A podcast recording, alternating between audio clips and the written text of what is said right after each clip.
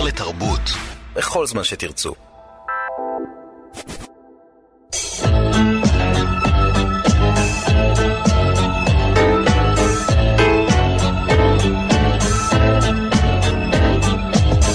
גיבור תרבות הדוקטור דן הרב והדוקטור דוד גורביץ' באולפן עם יונתן גת.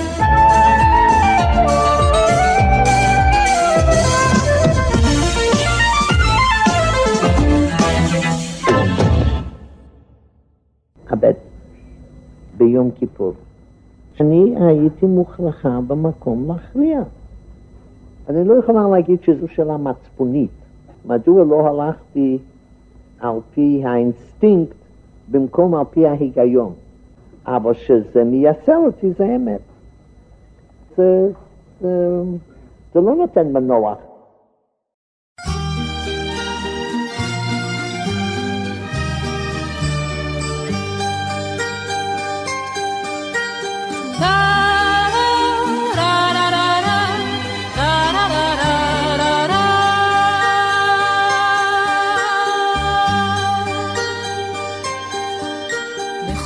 שלי, ארץ נוי אביונה, למלכה אין בית. כן, שמענו בפתח התוכנית את דבריה של גיבורת התרבות שלנו לתוכנית היום, גולדה מאיר, שבימים אלה אנחנו מציינים 40 שנה למותה.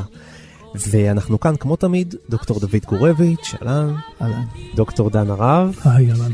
ואני יונתן גת, ואתם יודעים, כשאנחנו מדברים פה על גיבורי תרבות, אנחנו בדרך כלל מרחיבים את הדיבור על התרומה שלהם והדברים החיוביים שהם יצרו.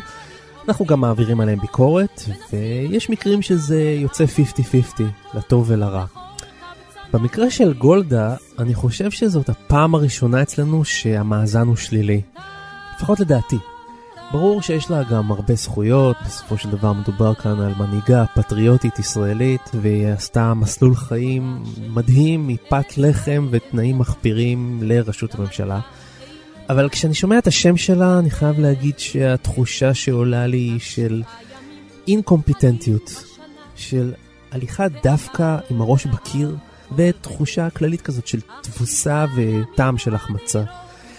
Uh, אני אגיד משהו, יכול להיות שזה יישמע קצת מחמיר, אבל בעיניי היא מנהיגה שמסכמת את סך הפנטזיות הישראליות שמתרסקות כולן בקדנציה אחת שלה. הפנטזיה על העוצמה הישראלית, שכביכול איש לא יכול לדגדג אותנו, הפנטזיה על שלום תמורת שלום עם מצרים, הפנטזיה על אי קיומו של עם פלסטיני, הפנטזיה שיש פה עם אחד ללא עדות, ללא הבדלים ובלי תתי תרבויות, פנטזיה כזאת שכולם ממושמעים וטובים ופועלים כאיש אחד, שכולם נחמדים במרכאות. פנטזיה על מדינה שאין בה צורך בחנוך לוין, אין בה צורך בפנתרים השחורים, ואין בה צורך בסאטירה. יש כאלה שיגידו שטוב שהתפכחנו מכל אלה, יש כאלה שיגידו שאולי שילמנו על זה מחיר כבד ומיותר. בכל מקרה, בעיניי, גולדה היא הטייטל של ההתפכחות הזאת, ולא בגלל שהיא התפכחה, אלא בגלל שאנחנו נאלצנו לעשות את זה במקומה.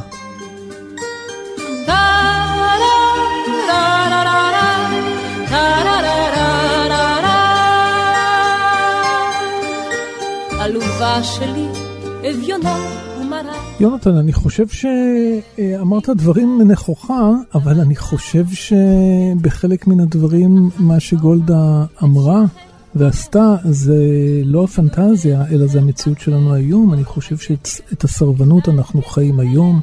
אני חושב שאת הכחשת האחר אנחנו במידה רבה חיים היום. אני חושב שאת המחיקה או את המלחמה בסאטירה ובפוליטיקה שמתנגדת לשלטון, אנחנו חיים היום בעוצמות רבות. אני לא ממש ממש חושב שזה משהו ששייך להיסטוריה, מה שהיא מייצגת. זה ברור שבגלל סיפור חייה ובגלל בעצם הנסיבות שבהן היא התפטרה ועזבה וירדה מן הזירה, אז ברור שמאוד קל לתלות עליה את העמדה הזאת של uh, מי שנכשלה ומי שהביאה אותנו על סף חורבן וכן הלאה. ועדיין אני חושב שאת העמדה הבסיסית שהיא מייצגת, אותם דברים שאתה ציינת, כמו סרבנות, זה לא דבר שעבר מן העולם, בכלל לא. כן, אז אה, אה, מרבים כמובן לדבר בגנותה, כמו שפתחת, של גולדה, ולכן בואו נחפש דברים טובים בסגנון גב האומה. מה יש להגיד דברים נהדרים על גולדה מאיר? היה לה חוש הומור מצוין, ציני, סרקסטי. אה, שתיים, היה, נכון. מה שהיה לה זה, זה יכולת בעצם לייצג עמדה פמיניסטית טרם זמנה, אישה ראשונה. מנהיגה במועצת הפועלות, אחר כך שרת העבודה, יש הרבה ביקורת על התפקוד שלה, ביחס שלה לנשים. אני לא שותף כן, לזה, אוקיי. אני לא שותף לזה, אני חושב שהיא פרצה ונתנה דרך בשנות ה-50, הייתה השרה היחידה בממשלה וגם ראש הממשלה. ודבר השלישי, שאני חושב שהוא מצוין אה, לגביה, אה, זה שהיא סיפרה בעצם לנו את הסיפור הישראלי במלוא, הייתי אומר, עוצמתו הטראגית. הרצון לבוא להתיישב כאן, ההתרסקות מרוב אי רצון לראות אנשים נוספים כאן. ולכן בעצם, אז היא סיפרה סיפור של דור שלם, וסיפרה לנו בעצם את המגבלות של הסיפור הזה.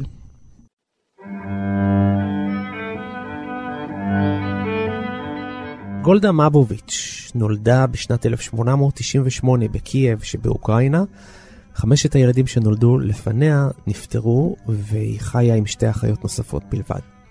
בגיל שמונה היגרה משפחתה לארצות הברית, ואת נעוריה העבירה בעיר מילווקי, שם פגשה את בעלה לעתיד, מוריס מאירסון. בגיל 23 עלתה יחד איתו לישראל והתגוררה בקיבוץ מרחביה ובתל אביב לסירוגין. בתקופה זו עבדה בין היתר בלימוד אנגלית, גידול עופות ועבודה כקופאית. תוך זמן קצר הצטרפה לפעילות פוליטית, בשנת 1928 התמנתה למזכירת מועצת הפועלות בהסתדרות. מאוחר יותר מונתה למזכירת הוועד הפועל. בשנת 1955 שימשה כשרת העבודה למשך שבע שנים, והניחה את חוקי העבודה והרווחה החשובים שקיימים איתנו עד היום, חוקי הביטוח הלאומי, חופשה שנתית, שעות מנוחה, חוק העבודה לנוער ועוד.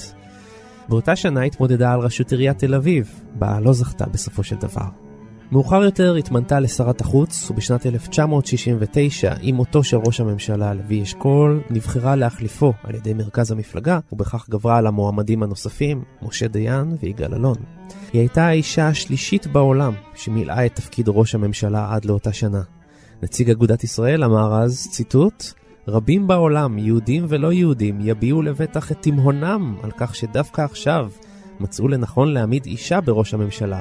גם אינני משוכנע שזה ירתיע את הערבים. עוד לפני בחירתה לתפקיד התגלה אצלה סרטן הלימפומה והיא טופלה במשך שנים בחשאי תוך כדי כהונתה כראש הממשלה. בזמן מלחמת יום כיפור שקלה להתאבד. יוסי שריד כינה אותה אם כל חטאת. היא אהבה להאזין למוזיקה קלאסית, במיוחד לנגינתו של פבלו קזלס, הצ'לן המפורסם, שאת אה, נגינתו אנחנו שומעים כאן ברקע, מנגן את הסוויט המספר 1 של באך. נפטרה בשנת 1978, ועוד דבר אחד, גולדה הייתה ידועה כאישה שמרנית, למעט דבר אחד, גברים מהצד. לאורך שנים היא ניהלה סוגים שונים של רומנים, כולל עם בעלי תפקידים בכנסת ובהנהגה, ואחד מהם היה זלמן שזר, מי שהיה לימים נשיא המדינה השלישי, שהטיל עליה את הרכבת הממשלה.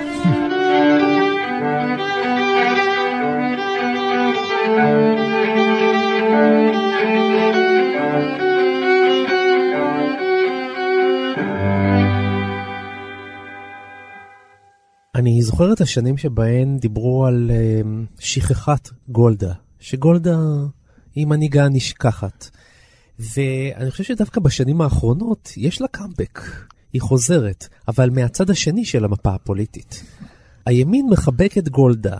למשל קראתי טור של אה, איילת שקד בעיתון מקור ראשון, שבו היא כותבת על המבט המפוכח של גולדה אל פני המציאות, והיא ממש אה, מביעה הערצה בטור הזה. אנחנו בהמשך התוכנית גם נשוחח איתה וננסה להבין איתה ביחד את הנקודה הזאת. שמענו את אה, נתניהו באחד מימי השנה למותה, מהלל ומשבח אותה. הימין מתחבר מאוד לגולדה. תראה, יונתן, אני חושב שגולדה מייצגת איזושהי מערכת ערכים שהיום יש לה, בוא נגיד, קאמבק. אני חושב כן. שגולדה היא בעצם, אם אנחנו חושבים אחורה, כן, התחלה, איזשהו מימוש של, של החלום הציוני, הנערה הזאת שעוזבת ומגיעה לארה"ב ועולה לארץ ב, ב, בחוסר קול ומגשימה פה את החזון ואחר כך הופכת למנהיגה שחושבת גם על העובדים ו, ו, וכן הלאה. ואז מנהיגות שהיא מאוד גאה, נקרא, נקרא לזה ככה, מנהיגות שיש בה אה, כוחנות מסוימת, יש בה נחרצות, יש בה כן. מאוד מאוד ברור מה כן ומה לא, בעיקר מה לא. אה, היא דיברה דברים, אני חושב, ברורים, שאולי עבור הימין, התחושה היא שבשנים האחרונות דברים היטשטשו, דברים לא כל כך, אה, יש כל מיני אופציות. גולדה זה חזרה לעמדה מאוד מאוד ברורה, מאוד חד משמעית. בהרבה זירות, ואני חושב שאולי זאת הסיבה שפתאום אנחנו שומעים את הקול שלה יותר, ופתאום יש מי שמתרפק. אני חושב שכל סיפור החיים שלה הוא סיפור מאוד, איך נגיד, מאוד מכאן, מאוד ציוני, מאוד ישראלי, מאוד כמו שאולי היינו רוצים, למעט כמובן האפיזודה הסופית שעליה עוד נדבר. טוב, זה לא דבר כזה קטן, למעט זה, כאילו צ'ופצ'יק זה לא, זה הדבר שבעצם אה, לטוב ולרע, בעיקר לרע, היא מזוהה איתו. אני חושב שהשאלה שלך לגבי החזרת גולדה, היא שאלה ברמה הפסיכונליטית, זה חזרת המודחק. גולדה חוזרת ברמה על ידי הימין, אני גם מסכים, משום שהימין חי כל הזמן, כמו שגולדה חיה כל הזמן, את המצב הביטחוני כמצב של חרדה. ולכן, אה, היות והיא טיפחה בעצם את המיתוס הזה ב-79, 70, 71, עד שעזבה את התפקיד שלה ב-74, והיות ואנחנו וה... נמצאים במצב שבו הימין מפתח את אותה חרדה ואותה תחושה של אין עם מי לדבר, ויש חרדה עצומה מפני היכולת לעמוד מול כל האויבים, מול המזימה האינסופית, ולכן אסור לוותר ואסור לוותר, ואסור להתמסר כלכל לכל מיני אשליות של שלום. אז זה מאוד מאוד מזכיר את האי-עשייה, את הפשלות, את אי הרצון ואת הסרבנות של גולדה. אז מה בין הסרבנות של נתניהו לסרבנות של גולדה? שוב, הדברים מתחברים. בכלל מפתיע אותי, אם כן, ש, שנתניהו מהלל ומשבח, ואיילת שקד קוראת מזמור תהילים. זה, זה באמת זה, זה הם. היא הייתה חלק מתוך הממסד הביטחוני הבן גוריוניסטי הנוקשה. ובמידה מסוימת הממסד הזה קרוב מאוד היום למה שהיום הליכוד. זה בעצם אותו דבר. עכשיו, מפלגת העבודה הלכה טיפה שמאלה, אבל מבחינתם גולדה היא באותו מצב שבו הם היו רוצים לראות את המצב. מדינה שעומדת מול החרדות שלה ומגינה בשיניים על הביטחון. אז אה, חזרת גולדה כחזרת הסימפטום, כחזרת המודחק, כחזרת הטראומה. כשגולדה חוזרת, חוזרת הטראומה. לא הפתרון חוזר, אלא הבעיה חוזרת. כלומר, על תקן של לא תעשה, על תקן של סרבנות, על תקן של מה שהביא אל מלחמה, על תקן של אי רצון לפתח שום יוזמת שלום כמו היום. איזה יוזמת שלום אתה רואה פה? איזו. איזה פה... יוזמת שלום ראינו אז? אני רק לא רוצה להמשיך את האנלוגיה ולומר מה זה הביא אז, מה זה יכול להביא היום. כי כן. מעולם מצבנו לא היה טוב יותר, כך חשבנו אז. וגם היום אנחנו בטוחים, וואלה, איזה יופי, מצבנו נהדר, יש לנו קשרים עם מדינות ערב שונות, סוריה מרוסקת, יש לנו את דונלד טראמפ, אה, יש לנו את אבו מאזן בתור משת"פ, את החמאס בתור אויב שאפשר לשנוא אותו ולהילחם בו מדי פעם. מצב אידיאלי עבור הרגשה של פרנויה. ומאיפה היא נולדה אם לא בתקופה של אה, גולדה? והיא הייתה מטפחת והכהנת הגדולה שלה. אלה המעריצים שלה. ולכן המפגש הזה בין הימין לבין גולדה, או המפגש בין הימין לבין הביטחוניזם של מפא"י, זה אותו ניסיון לטעון שהם המשך כללי של בן גוריון, של הביטחוניזם, של ההתנחלויות. פעם זה היה, אני יודע, חומה ומגדל, היום זה המתנחלים. זה הניסיון לשים את כולם באותה חבילה ולהגיד בעצם שהליכוד זה היורש האמיתי של, של מפלגת העבודה, שהיא מפלגה מרכזית, ביטחוניסטית, בן גוריוניסטית וגולדה מאיר. אז על תקן זה היא חוזרת. היא חוזרת בתור הרוח הרעה של ה-old lady. לאחר מעשה מרכבה ארוך, מסובך וגדוש הפתעות, הציגה ראש הממשלה, הגברת גולדה מאיר, את ממשלתה החדשה של ישראל לפני הכנסת. הנשיא בירך את ראש הממשלה ואת שריה והצטרף לאיחולים שתהיה זו ממשלת השלום.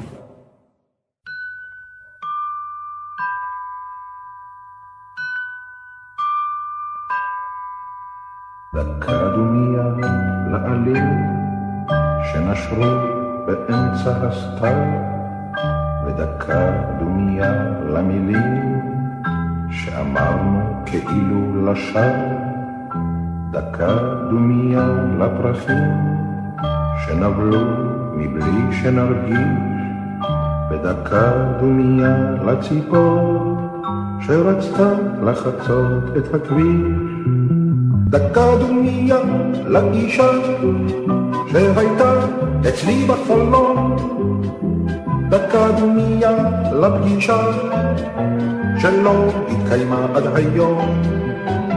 המון דקות דומיה לכל מה שחלף וכואב. הקשיבו עכשיו לצפירה שיש לי בתוך הלב.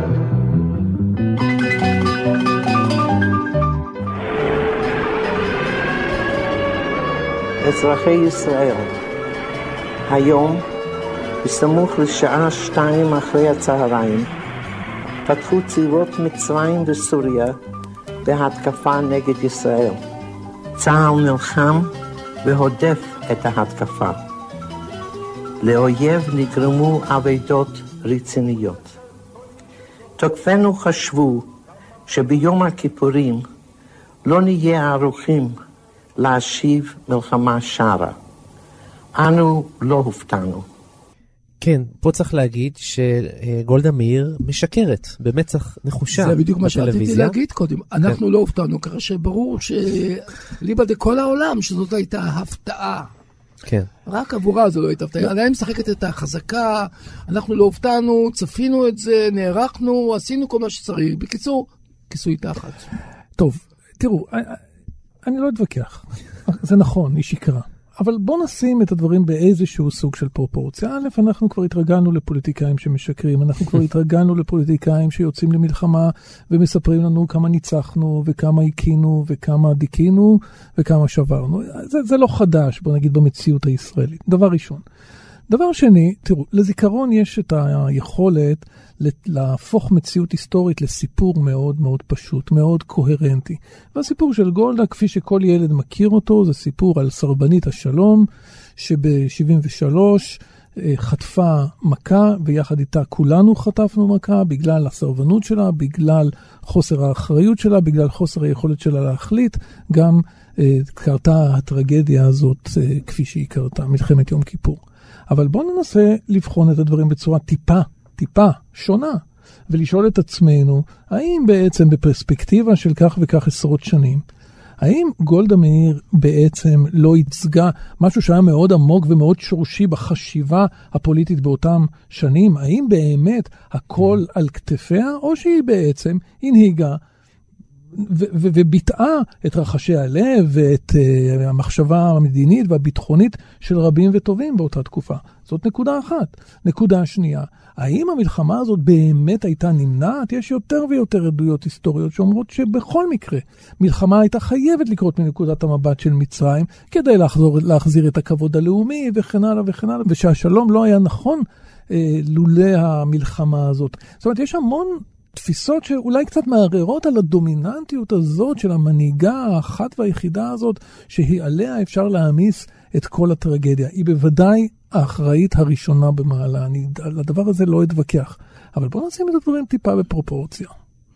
כשאני מסכים לשים את הדברים בפרופורציה, אבל לדעתי, להגיד שגולדה ייצגה את הלך רוח קיים במדינה, זה בדיוק אומר את הבעיה. נכון. המנהיג לא צריך לייצג את הלך הרוח, נכון. כמו שאמר בגוריון, של, של הדעה נכון. הכללית שאנחנו כל יכולים, אלא מנהיג צריך לסמן את המצב האידיאלי לעם, ולהיות לפעמים ב, לגעת בכאבים ובטראומות שלו, כדי לנסות להעביר אותו למצב טוב יותר. זה תפקידו של מנהיג. במבחן הזה של מנהיגות היא כשלה לחלוטין. כלומר, היא התעלמה בכלל מהיסוד הטראומטי שבמלחמה, שהיא הייתה חלק ושותפה ממנו, כמו גם רבים אחרים בקבינט שלה ובציבוריות הישראלית. וכבר היה צריכה להגיד, איפה טעינו? היא כל הזמן המשיכה להגיד את הנרטיב הישראלי. לא טעינו, לא הופתענו, התכוננו, הקינו, הדפנו, העברנו את האויב, צלחנו את התעלה, בעצם אנחנו ניצחנו את המלחמה. מה לעשות שזה לא מה שההיסטוריה כותבת. כי ההיסטוריה כותבת לא רק מי בסופו של דבר הצליח להעביר שטח אחד לשני, אלא מה קרה בעקבות זה. בעקבות זה ישראל נאלצה לוותר על כל סיני, נכון. הפסידה את כל המצב, נאלצה לחתום על הסכמי שלום. ממצב שהיא הבינה שלא יכולה לנצח יותר מלחמות. אז לטעון שזה התוצאה שהיא תוצאה של ניצחון, זה, זה פשוט, הייתי אומר, בדיחה לא מוצלחת. עכשיו, מנהיגה צריכה לקחת את המצב הקשה הזה בקרנה ולהגיד, נכון, עשינו כאן טעות גדולה. היא לא מסוגלת להגיד את זה, מפני שהיא חלק מהטעות. ולא רק שהיא חלק מהטעות, היא לא רוצה לקחת את האחריות על הטעות. ובסוף, כשהיא לוקחת אחריות, זה רק שמגרשים אותה כבר על ידי הפגנות, ומבזים אותה בצורה נוראית. דוד, הטרגדיה שמסמנת את סוף הקדנציה שלה, את סוף התקופה שלה, היא, בהח... היא בהחלט אחת הטראומות הגדולות בהיסטוריה של מדינת ישראל, ולכן כל מה שתגיד הוא בעצם נכון. אבל הציפייה שלך ממנהיג במדינת ישראל להיות מרחיק ראות, פועל נגד הזרם. אה, לא רלוונטית. היא, היא, היא בוודאי לא נכונה ב-20-30 השנים האחרונות. זה בוודאי לא כך. טוב, אז זה ראוי שיהיה ככה, ברור שזה לא ככה. יכולים, אה, קל מאוד לראות שכל המנהיגים שבאו אחריה, אה, להוציא תקופה שנראית כמו פיאסקו על ידי הימין, שנקראת ההסכמים הנוראים של אוסלו, נראית כולה בעצם המשך של אותה מגמה עצמה. אני חושב שהטראומה שגולדה מאיר ניצחה. והייתי אומר, אוסלו ורבין ורצח רבין זה רק פיאסקו, זה איזושהי כן. הערת שוליים קטנה בתוך ההיסטוריה. ולכן זה לא מפליא אותי שהימין מחבק והכל. נכון, גולדה ניצחה. גולדה היום, גולדה חיה. גולדה בחיים. יותר מה שהייתה ב-71 שמונתה חולה וחולת סרטן ובקושי חיה. Mm-hmm. תחשוב, על אישה שהיא כל כך כאובה, כל כך מרוסקת, אבל איזה עוצמה, איזה תקיפות ואיזה, הייתי אומר, אה, עקשנות ורוע לב. יחד עם מחלה יכולים לחיות אחד בתוך השני. גם רוע לב וגם מחלה ביחד. לפעמים המחלה מרככת רוע לב, לא אצלה. והדבר השני שאני רוצה לציין, לא רק רוע לב, וזה הדבר, מילא רוע לב, זה תכונה שאלוהים נותן או לא נותן. יכול להיות שאני, אפשר לא לייחס לרוע לב, אבל דבר אחד אי אפשר שלא לייחס לה, צדקנות. היא כל הזמן המשיכה לתאר את אותו נרטיב שמתארים עד היום 2018, בואכה 2019. אנחנו הקורבן. אנחנו יורים עלינו, אנחנו הדפנו, אנחנו היינו מוכנים, אתה זוכר מה היא אמרה? אתה זוכר מה היא אמרה? היא אמרה, אנחנו יכולים לסלוח לערבים שהורגים את ילדינו, אנחנו לא יכולים לסלוח להם שהם מכריחים אותנו להרוג את ילדיהם. לא יכולתי... ביום שהם יאהבו את ילדיהם יותר מאשר הם שונאים אותנו, יבוא שלום. לא יכולתי לצפות לציטטה טובה מזו, כדי להוכיח את התזה של הצדקנות, righteousness. כאילו, כל הזמן היא הזילה דמעות של תנין על עצמה כמה היא קורבן. וזה מה שהישראלים עושים עד היום. מאוננים על הקורבניות שלהם. אז זה טוב? הביטו, אפילו אני יכולה להמציא לכם כל מיני שאלות. מה, מה יהיה, אם יהיה, ולו היה, ולולא היה. באמת. ושלום לשרת המשפטים, איילת שקד. שלום. קראתי את המאמר שלך על uh, גולדה מאיר בעיתון מקור ראשון, ואת כל כך משבחת ומהללת אותה, שזה ממש נראה כאילו את uh, רואה בה מודל לחיקוי, יכול להיות דבר כזה? תראה, אני, האמת היא, אף פעם לא חשבתי את זה, אבל uh, בהחלט היא הייתה uh, מדינאית, מנהיגה, uh, אישה בעולם של גברים. Mm-hmm. Uh, לשמחתי היום uh, יש הרבה יותר נשים בפוליטיקה הישראלית, uh, אבל אז היא הייתה כמעט בודדה, ובהחלט היא מהווה השראה.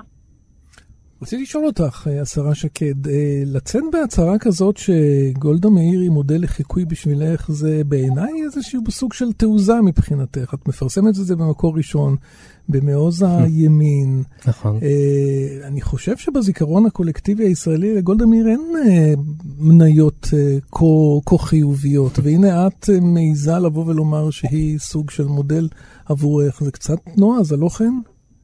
תראה, גולדה מאיר יש כמובן הרבה ביקורת עליה בעקבות מלחמת יום כיפור, mm-hmm. אבל צריך uh, לזכור שדווקא העמדות שלה uh, היום uh, היו יותר דומות לבית היהודי מלמפלגת העבודה. אתה יודע, מי שאמרה שהסכסוך עם הערבים אינו סכסוך החלקת אדמה על טריטוריה, הם פשוט מסרבים להאמין שיש לנו זכות קיום בכלל. חזרנו לכאן לפני אלפיים שנה, היא דיברה במונחים אה, היום אה, יותר של הבית היהודי. כן, את כתבת במאמר שלך שאת היית מצרפת אותה למפלגה. נכון, אתה רואה? כי, כי לצערי, אתה יודע, כל המערכת זזה איכשהו, אבל העמדות שלה היו אז בהחלט אה, מאוד לאומיות, מאוד נחרצות. כן, אני, אני רוצה להקשות, לשוב ולהקשות עלייך, תראי, בסופו של דבר את מדברת על אי ההתפשרות שלה כערך, ו, ובסך הכל אנחנו יודעים שבזיכרון לפחות, אי ההתפשרות הזאת הובילה את ישראל לעברי פי פחת, כמו שאומרים. את, זהו, אני אחדד את השאלה של דן. את לא, כשאת חושבת על גולדה, לא עולה לך אסוציאציה של תבוסה? תראה, מלחמת יום כיפור הייתה שבר גדול, אבל uh, בראש ובראשונה זה היה מחדל גדול של הדרג המדיני, ומחדל uh, מודיעיני גדול, כן? Uh, אני בוודאי חושבת שיש הרבה מה ללמוד מהקונספציה השגויה שכולם היו שרויים בה, אבל אני חושבת שגולדה היא אדם הרבה יותר מורכב כדי לנתח אותה רק לפי המלחמה הארורה. אה, צריך להסתכל, אה, אם מסתכלים עליה, צריך לראות גם כמה היא תרמה להקמת המדינה, לרכישת הנשק, ועוד הרבה מאוד דברים ש- שהיא עשתה. את uh, חושבת שגולדה הייתה נשארת בעמדתה הסרבנית גם היום? הרי בגין מסר את כל סיני, רבין גם הוא אמר שלא תקום מדינה פלסטינית ואחר כך הוא היה בעד מדינה פלסטינית, כך גם לגבי הגולן. אנחנו יודעים ששרון שינה את דעתו, אולמרט שינה את דעתו ואפילו נתניהו החזיר את חברון. את חושבת שבאמת גולדה הייתה בעמדתך היום? תראה, קשה לשפוט את זה, באמת, זה לא יהיה הגון שאני אנסה אה, להשליך מה היא הייתה עושה היום. אבל אה, אני יודעת שלמרות לחץ בינלאומי בלתי פוסק, דרך אגב, אז באותה, תקופ- באותה תקופה, היא קבעה עובדה אובייקטיבית פשוטה. היא אמרה, אני כופרת על העניין הזה, על העניין של הפלסטינים, איפה הם היו, מה קרה לפלסטינים האלה בגדה המערבית עד ה-11 ביוני, איפה הייתה הישות הפלסטינית. היא הייתה מאוד פשוטה וחדה. אז אני לא יודעת מה, מה היא הייתה עושה היום, זה גם לא נכון לנסות לנחש. את כמוה חושבת שאין עם פלסטיני? אני חושבת אה, שמדינה פלסטינית ביהודה ושומרון תהיה אסון לישראל. אבל עם מי פלסטיני. שרוצה, תראה, אני, אני לא נכנסת עכשיו להגדרה הזאת, אבל מי שרוצה אה, שכפר סבא וירושלים יהפכו לעוטף יו"ש, אה, מוזמן לנסות ולהקים מדינה פלסטינית. לשמחתי, דרך אגב, היום רוב הציבור בישראל התפכח מהרעיון הזה. כן, אבל רגע, עצם זה שאת לא מוכנה להגיד פה שיש עם פלסטיני, זה אומר שאת קצת אומרת שאין עם פלסטיני. את באמת חושבת ככה?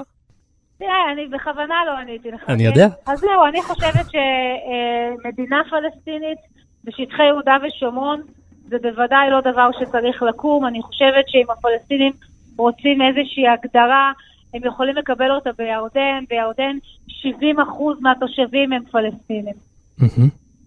לגבייך, שאנחנו חייבים איזה שאלה אחת אישית. מתי את מצטרפת לליכוד? אני בבית היהודי, אני מאוד אה, מרוצה בבית היהודי. הם, אה, בנט ואני והרב חרונסקי, זיכרונו לברכה, הצטרפנו לבית היהודי ביחד במטרה ככה שתהיה מפל... מפלגה ימנית, אה, אידיאולוגית, על בסיס ערכי הציונות הדתית, שמשלבת בין דתיים לחילונים, ויש לנו עוד הרבה עבודה במסגרת המפלגה הזאת. כמה מנדטים אתם הולכים לקבל בבחירות הבאות? הרי התרסקתם לשמונה מנדטים בבחירות האחרונות. אה, מספר דו-ספרתי נאה. אה, אוקיי. אז זה הבטחתם גם בבחירות הקודמות, על 17 מנדטים דיברתם.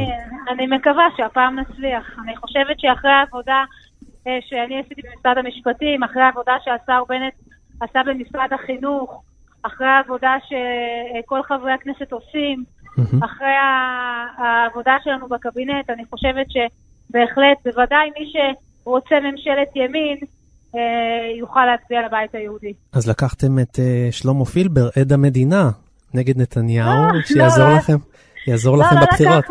הוא היועץ האסטרטגי שלכם עכשיו. לא, אוקיי. לא לקחנו אף אחד, נפגשנו איתו כמו שנפגשנו עם עוד עשרות אנשים. יש מפלגות שכבר יש אה, צוות לקמפיין של 2019, כי אתה יודע, יהיו בחירות ב-2019. לנו עוד אין, אז אנחנו פוגשים אנשים שונים, אה, בתחומים שונים, בין השאר פגשנו גם אותו. טוב, אבל אה, די ברור לאיפה את חותרת, את רוצה להיות ראש ממשלה. אה, אני באמת, אה, טוב לי איפה שאני, אני אה, אסיים ב-2019 קדנציה מאוד משמעותית במשרד המשפטים.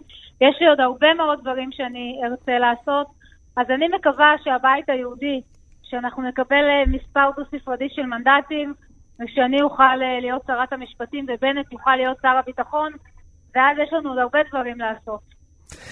השרה איילת שקד, שרת המשפטים, אנחנו מאוד מודים שהיית איתנו. תודה רבה. תודה.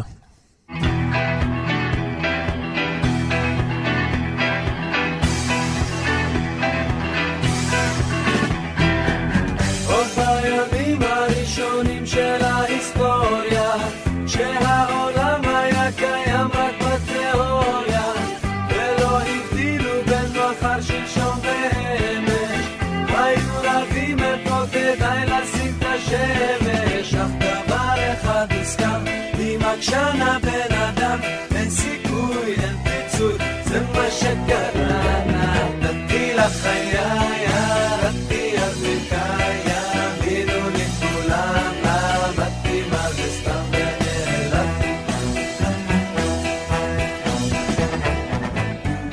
כן, מאזיננו יכולים uh, לתמוה למה אנחנו uh, משמיעים את השיר הזה של כוורת, אבל יש לזה סיבה. זה הסיבה?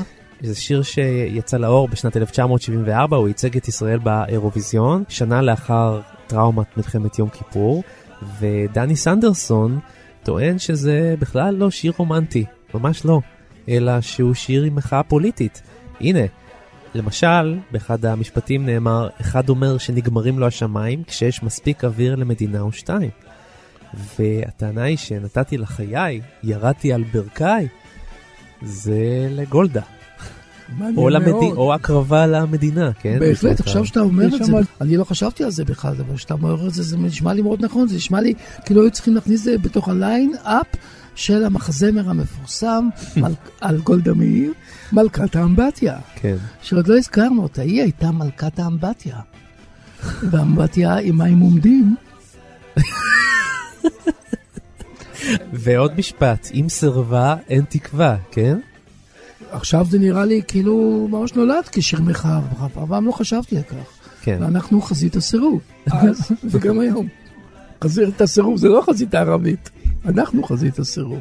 אז פלא שגולדה יש לה קאמבק והכל. כן, זה מעניין לחשוב שהאנשים האלה ששרים את השיר הזה, בסך הכל אה, שלוש שנים לפני היו חברים בלהקה צבאית והצטלמו, והצטלמו עם גולדה בצילום מאוד מפורסם של גידי גוב ודני סנדרסון, כשגולדה מבקרת באחד המעוזים בתעלה.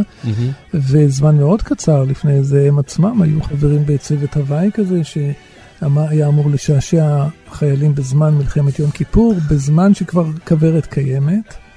והנה זמן יחסית קצר אחר כך הם עולים על במת האירוויזיון ושרים שיר שאפשר בהחלט, יונתן, ברוחך לפרש אותו כ- כ- כטקסט פוליטי פר אקסלנס, אם כי לא מאוד ישיר, לא מאוד מאוד נוקב, אלא, כן. אלא מרומז, ואולי בזה כוחו. לי- זה נשמע ישיר ומפחיד, הסרווה הזה שאתה הבאת אותו ככה בתוך המשיר, זה- אותי אותי זה שכנע. עכשיו אני רוצה להשמיע לכם את אה, גולדה מאיר מתייחסת לתוכנית ניקוי ראש, שהרבו לחקות אותה ולהעביר עליה ביקורת, וככה היא נשמעת. מותרת גם סאטירה. אבל לכל הפחות שסאטירה, לפי דעתי, צריך להיות בה א', טעם טוב, שיהיה מעניין, ושיהיה הגון. מה לי מותר לי להגיד שזה כפי שהראו את שר האוצר בליל שבת בשבוע שעבר, חסרו כל האלמנטים האלה. ואני לא רוצה להגיד איזה אלמנטים לפי דעתי כן היו בו. כן, זה נורא מביך אותי לשמוע את זה, כי בעצם uh, הדיבור הזה, הקשוח כביכול, מדגים אישיות מאוד חלשה. ראש ממשלה שלא מסוגלת להתמודד עם מערכון, עם איזשהו uh, צחקוק, כן, על תפקודה. תראה, זה גם תקופה, שוב, זה לא ממקום של, אה, אתה יודע, אני לא רוצה לעדן את הביקורת או להתעלם ממנה, אני רק אומר, בוא, אנחנו בעידן של טלוויזיה היא דבר חדש במדינת ישראל. ביקורת על פוליטיקאים בכלל זה דבר חדש יחסית. פוליטיקאים לא יודעים איך להתמודד עם זה, היום אנחנו יודעים שהמצב הפוך, היום אם אתה, אם אתה, אם צוחקים עליך בארץ נהדרת, אז אתה, אתה רלוונטי. אתה אפילו היית רוצה להיות, אה, ב, ב, ב, ב, אתה חלק מהשיח, אתה, אתה משמעותי. אז הכל היה הרבה יותר רציני, אנשים תפסו את המציאות בצורה הרבה יותר רצינית, mm-hmm. לא צינית. היום כולנו צינים, אזרחים, פוליטיקאים, אנחנו הרבה פחות תופסים את הדברים בצורה, אני לא אומר את זה לחיוב, חלילה, אני לא אומר את זה לחיוב, הציניות הזאת השתלטה לנו על החיים. אבל זו תקופה אחרת, וכשצוחקים עליך ואתה ראש ממשלה בטלוויזיה, זה איום ונורא, שמיים נפלו, כולם שומעים. ובכל זאת, למרות שאתה צודק, כמובן, תקופה אחרת וכולי, זה עדיין, רואים שהאישה הזאת לא אוהבת ביקורת, לא אוהבת ביקורת. ללא ספק. ואם הייתה אוהבת ביקורת, היית גם אוהבת חירות. ואם הייתה אוהבת חירות, היית גם יכול לשמוע קולות אחרים. ואם הייתה שומעת קולות אחרים, אז זה לא היה נעצר רק בתחום הסאטירה, זה היה נעצר בתחום המלחמה, ולא היו נכון. אבדות. זה אני מסכים, דוד.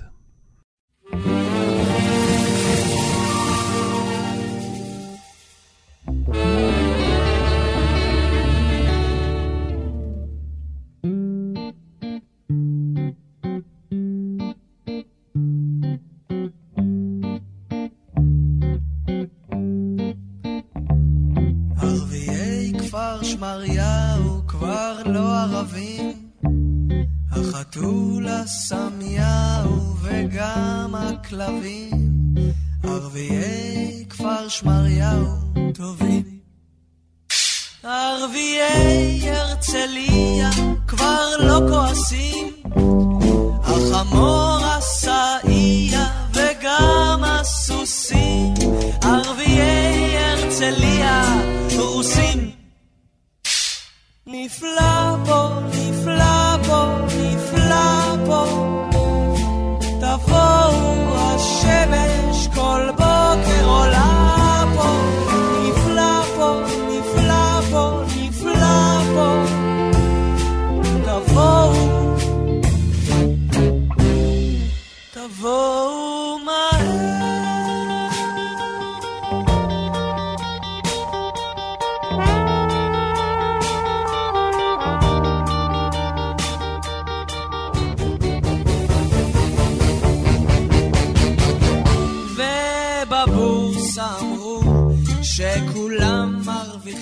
אתם יודעים שעד היום עסקנו רק בפוליטיקאיות נשים. אה, עסקנו במרגרט תאצ'ר, עסקנו באנגלה מרקל, עסקנו בגאולה כהן, ועכשיו גולדה, והם כולם מהימין כן. בפועל. ידעתי מה שתגיד, אני כבר הרגשתי את זה מראש. אבל בניגוד לאחרות, אני מרגיש שגולדה, שניסו להדביק לה גם כן את הטייטל של אשת הברזל, אבל הכינוי הזה מאוד לא מתאים לה. היא לא מרגרט תאצ'ר שדפקה על השולחן לגבי הקרב על איי פוקלנד והטביעה את אוניות האויב וניצחה. ודפקה על השולחן בעניינים הכלכליים, ולמרות שכל המדינה הייתה נגדה, היא דבקה בעמדה שלה, הלכה, ולשיטתה היא צדקה והוכיחה את עצמה, לשיטתה. או למשל אנגלה מרקל שעשתה מהלך מאוד אמיץ ובניגוד לדעת המפלגה שלה והתומכים שלה הלכה למהלך עם הפליטים. במקרה של גולדה יש פער מאוד גדול בין הפרפורמנס החיצוני של אישה חזקה, אבל בפועל היא לא הייתה כזאת. בפועל היא הייתה מהוססת ולא החלטית ונגררת אחרי אחרים. לא קיבלה איזו החלטה אמיצה. בפועל היא הייתה מנהיגה חלשה, לא אשת ברזל. בעצם מה שאתה אומר, יונתן, שהיא לא מוציאה שם טוב לפמיניזם, זה הכוונה שלך? שבעצם היא בקרב, אה, בקרב קבוצה של מקבלי החלטות או של פוליטיקאים גברים, היא בעצם התאימה את עצמה לאיזושהי עמדה קבוצתית ולא יצאה כראשונה בין שווים? זאת הכוונה? כן, בין היתר, אבל בעיקר כי אני חושב שיש איזו התניה פבלובית כזאת. להגדיר ראש ממשלה אישה כאשת ברזל, כי הרי הגעת לתפקיד אז את בטח אישה חזקה במרכאות. ובכל מקרה, גם הקונספט הזה קרס במקרה של גולדה. אני מבין מה שאתה מתכוון, לא היא, היא, היא כאילו ניסתה כאילו לבדל את עצמה מהכוח האמיתי שהיה לה, ולהגיד נגררתי, או בין גברים רבים שהם היו כאילו מר ביטחון, מה היה לי להגיד בתור אישה זקנה בת 71 שכבר חולה וכיוצא בזה, אבל זה לדעתי זה גישה של תירוצים. זו גישה שאני לא מקבל אותה, מה זאת אומרת, מה הייתי יכולה להגיד? את ראש הממשלה. לפנייך באים כל מיני אנשים שמציעים כל מיני הצעות, והיו כל מיני דברים, ואת מחליטה. האם לכנס, האם לעשות מילואים, הרי היו הודעות של שבועות לפני זה ואזהרות לפני מלחמה. כן. את יכולת להחליט בניגוד למה שאומר אמן בזה שלו. ומה עם כל ההצעות של השלום עם מצרים? שלא לדבר על זה על 71, 73, לפני זה, הרי היו המון הצעות בשנות ה-70, 71. היו לה המון הזדמנויות. היו המון הזדמנויות, אז מה את אומרת? אני, גנרלים לא רצו, אי אפשר לומר... היו לה גם הזדמנויות לעשות, היו לה גם הזדמנויות לעשות תיקון עם המזרחים, עם הפנתרים השחורים, הייתה אפשרות להגיע לאיזשהו דיבור. כאן זאת נקודה חשובה, לה בכלל לא היה עניין בענייני פנים. בכלל לא כן. התייחסה לעניינים האזרחיים. כלומר, היא באה לפנתרים, היא לא הבינה שהמדינה השתנתה, שיש פה ציבור תוסס של מזרחים שרוצה 50-50 את ההנהגה של המדינה ואת, ואת המקומות, אבל היא אמרה להם, לא, אני במרחביה, אני ב-1921 הגעתי, תשבו לכם בשקט, אתם רק הגעתם לא מזמן. תתחילו לעבוד, יגיע גם התור שלכם, אתם חצופים, אתם לא נחמדים, אתם פרועים. היא לא הבינה שהמדינה השתנתה, האוכלוסייה השתנתה, האווירה נהייתה פה של רדיפה אחרי אה, כסף יותר. האמריקניזציה הראשונה כבר התחילה להיכנס בשנות 70, היא לא הייתה שם בכלל, למרות שהיא בילתה את נעוריה באמריקה. היא בכלל לא הייתה אמריקאית במובן הזה, היא הייתה חיה בעולם של צדקנות. אני חושב שהתכונה הבעייתית ביותר שלה הייתה הצדקנות. זאת אומרת, היא לא הודתה בכך שהיה לה עיוורון, אלא תמיד כאילו התבכיינה על זה מה היא יכלה לעשות בתור אישה חלשה מול כל כך הרבה גברים חזקים וכיוצא בזה. אבל זה מוזר, כי במקומות, כי במקומות אחרים היא דווקא התבטאה על זה שהיא מעולם לא חשה רגשות נחיתות בהיותה אישה בין נכון. גברים. היא לא חשה, היא לא נכון? לא חשה. נו, בסדר. אבל, אבל מה שאתה אומר כרגע, בעצם גורס... היא באמת לא חשה. היא לא חשה רגשות נחיתות, מצד שני, היא מצדיקה את אי העשייה שלה בזה שהיא הייתה מוקפת בגברים לכן אני רואה בזה מניפולציה, כן. לכן אני רואה בזה בצדקנות, לכן אני רואה בזה תירוץ, לכן אני רואה בזה חוסר יכולת להתמודד עם העיוורון של עצמה. לא יכלה להתמודד עם העיוורון של עצמה, אלא אה, באיזושהי צורה... אה, עשיתי כמיטב יכולתי, זה היה בעצם המוטו שלה, כל הזמן. מה שיכולתי עשיתי, מה אני יכול לעשות? זה מה שיכולתי לעשות. כן. זה לא תשובה של ראש ממשלה, זה מה שעשיתי כמיטב יכולתי. אז אם זאת היכולת שלך, אז יכולת שלך דלה, לא טובה, כי מביאה אסון על אלפי אנשים. כמה אנשים מתו במלחמת יום כיפור? אתה לא יכול להגיד, כמת, עשיתי כמיטב יכולתי מול הקברים הפתוחים. מה זאת אומרת עשית כמיטב יכולתך? ברור שלא עשית כמיטב אה, יכולתך. במבחן התוצאה, שפרצה המלחמה, לא עשית כמיטב יכולתך. כי יש להניח שיכולת לעשות יותר טוב, שיקרה מצב טוב יותר. ואיתנו נמצא השר לשעבר, יושב ראש מרץ לשעבר, יוסי ביילין. היי יוסי. שלום וברכה. יוסי, כשר לשעבר בממשלות העבודה, יש לך משהו טוב להגיד על uh, המנהיגה שהגיעה מהמפלגה שלך? אני חושב שהיא הייתה ציונית אמיתית. כן. אני חושב שהיא הייתה אישה פיקחית.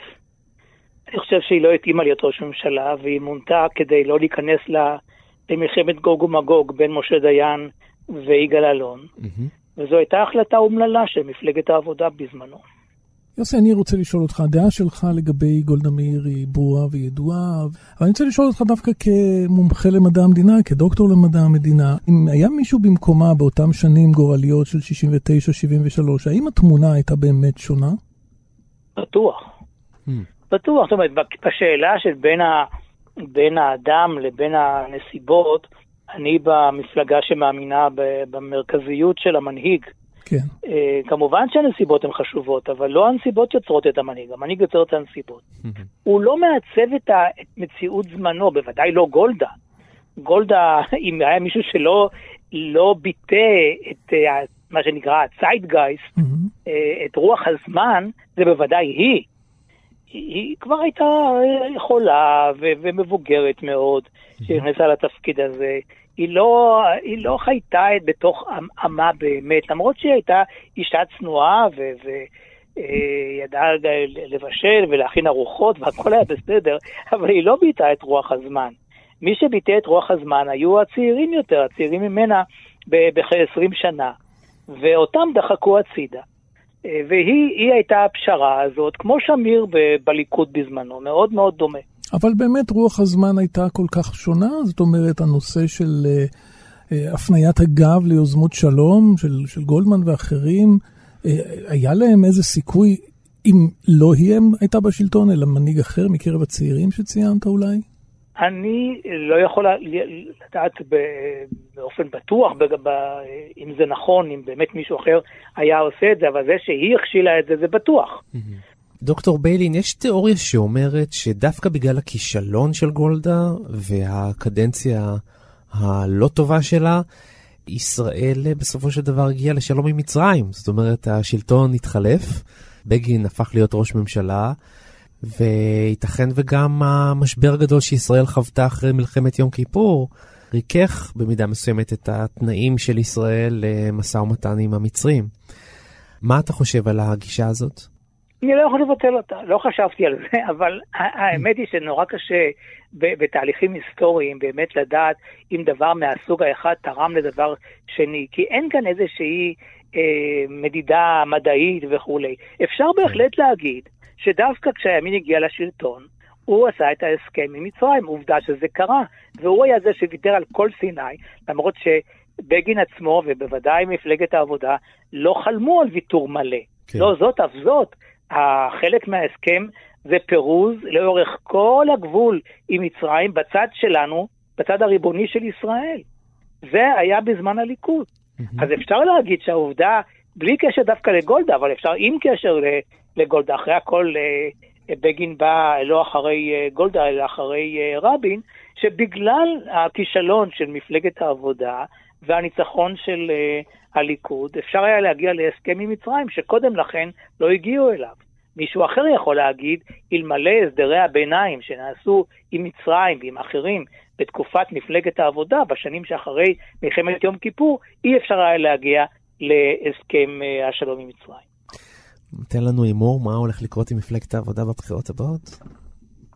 קשה מאוד לדעת, אנחנו גם לא יודעים מתי יהיו הבחירות הבאות. זה מאוד מאוד תלוי בנסיבות של השבועות האחרונים לפני הבחירות, mm-hmm. כאשר הבמה, התמונה מצטיירת באופן, בקווים הרבה יותר ברורים. היום אנחנו עדיין לא יודעים, יש הרבה סימני שאלה, האם תהיה עוד מפלגה, האם גנץ יתמודד, ואם כן באיזה תצורה. אה, לכן קשה מאוד לדעת, וזה מאוד ישפיע על המחנה של המרכז-שמאל. אה, אם, אם המחנה ייראה כמו היום, אז בתוך המחנה ההתמודדות כמובן תהיה בעיקר בין יש עתיד לבין אה, מפלגת העבודה, ואני הייתי רוצה במצב כזה אה, שמפלגה עמומה מדי, כמו יש עתיד, לא תהיה זו המנצחת.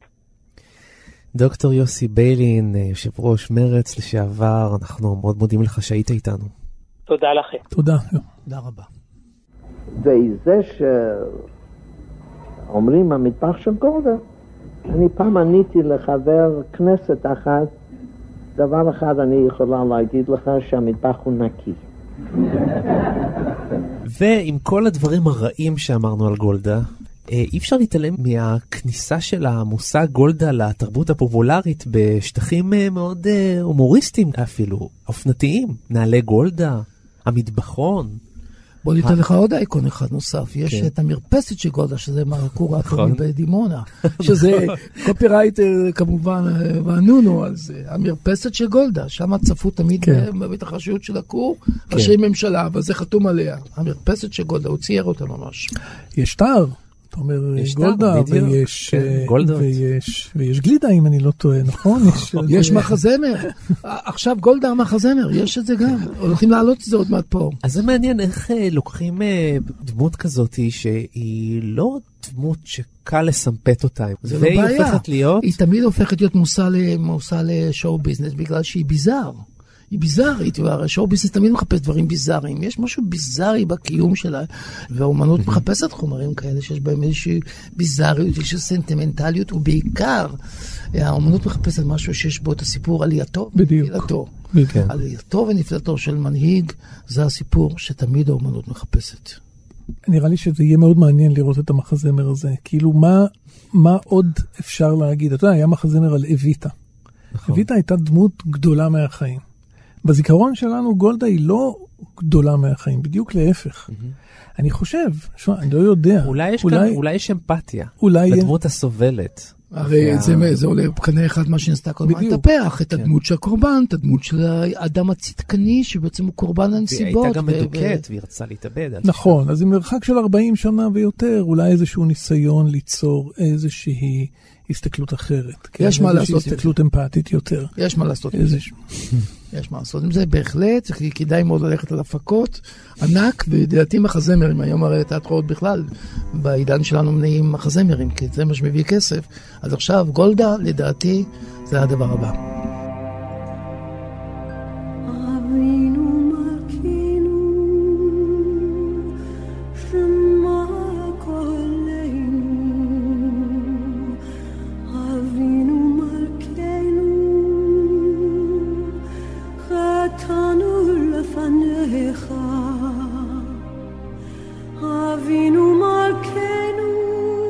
וצריך לזכור גם שהיא הופיעה במופע של ברברה סטרייסנט בשנת 78, אחרי שגולדה כבר לא הייתה ראש ממשלה והכישלון כבר היה ידוע.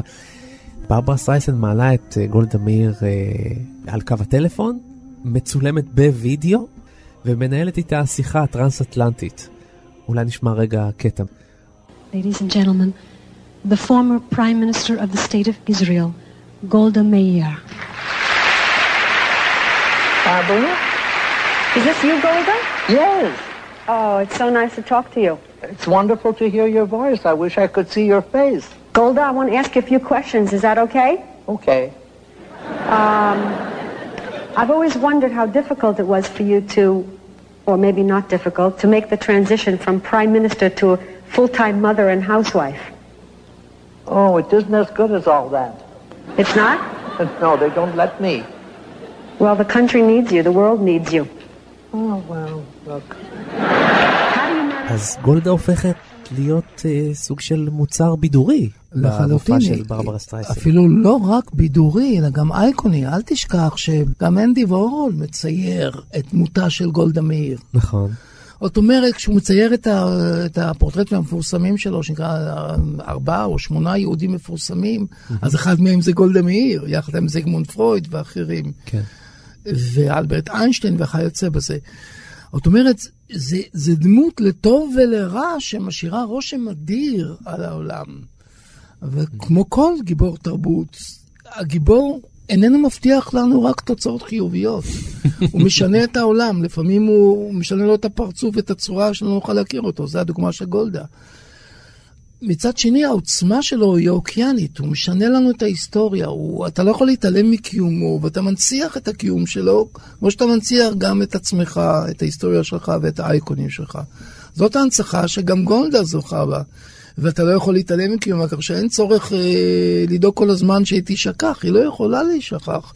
רק מעצם העובדה שהיא חלק כל כך חשוב מההיסטוריה היהודית, הישראלית בעצם, מתחילת המאה ה-20. למרות הסיום הצורם. כן. חוץ מזה, יש גם נוסטלגיה. הנה, גולדה מאיר כבר יושבת עם סאדאת, וגם היא אומרת לו, I'm old lady, והוא מחייך והם מתחבקים. אז יש איזשהו סיום טוב, ב-78, 79, יש כבר שלום. או מתחיל להיות שלום. אז אפשר יותר לקבל את גולדה. אני חושב שאנחנו מסכמים בזה שיש לנו סיפור פה עם דמות עם איכויות אה, פרפורמטיביות מאוד גבוהות, עם איכויות איקוניות מאוד גבוהות, שברגע מסוים בהיסטוריה לא עמדו לזכותה, בוא נגיד ככה. עם האיכויות האלה לא, לא, לא, לא בשבילם היא תיזכר, אלא בשביל דברים אחרים.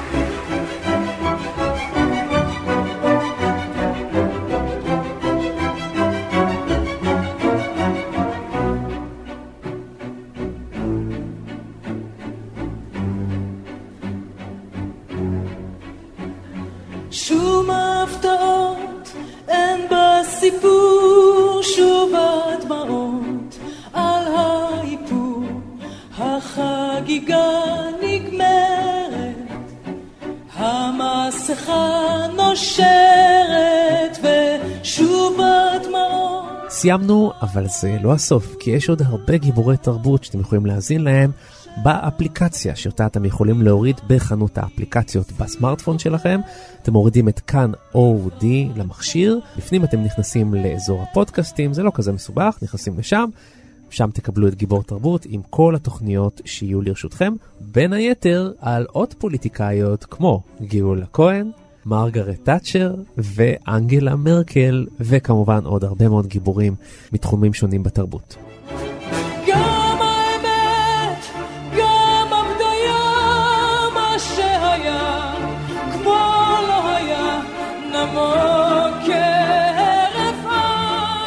אני רוצה להגיד תודה לחברים שלי כאן באולפן, חברי המטבחון המצומצם של התוכנית גיבור תרבות, דוקטור דוד גורביץ', תודה. תודה רבה לך, יונתן. תודה רבה לך דוקטור דן הרב. תודה, תודה. אני הייתי יונתן גת, ואנחנו נתראה בשבוע הבא עם גיבור תרבות נוסף. להתראות. להתראות, ביי ביי. ביי ביי.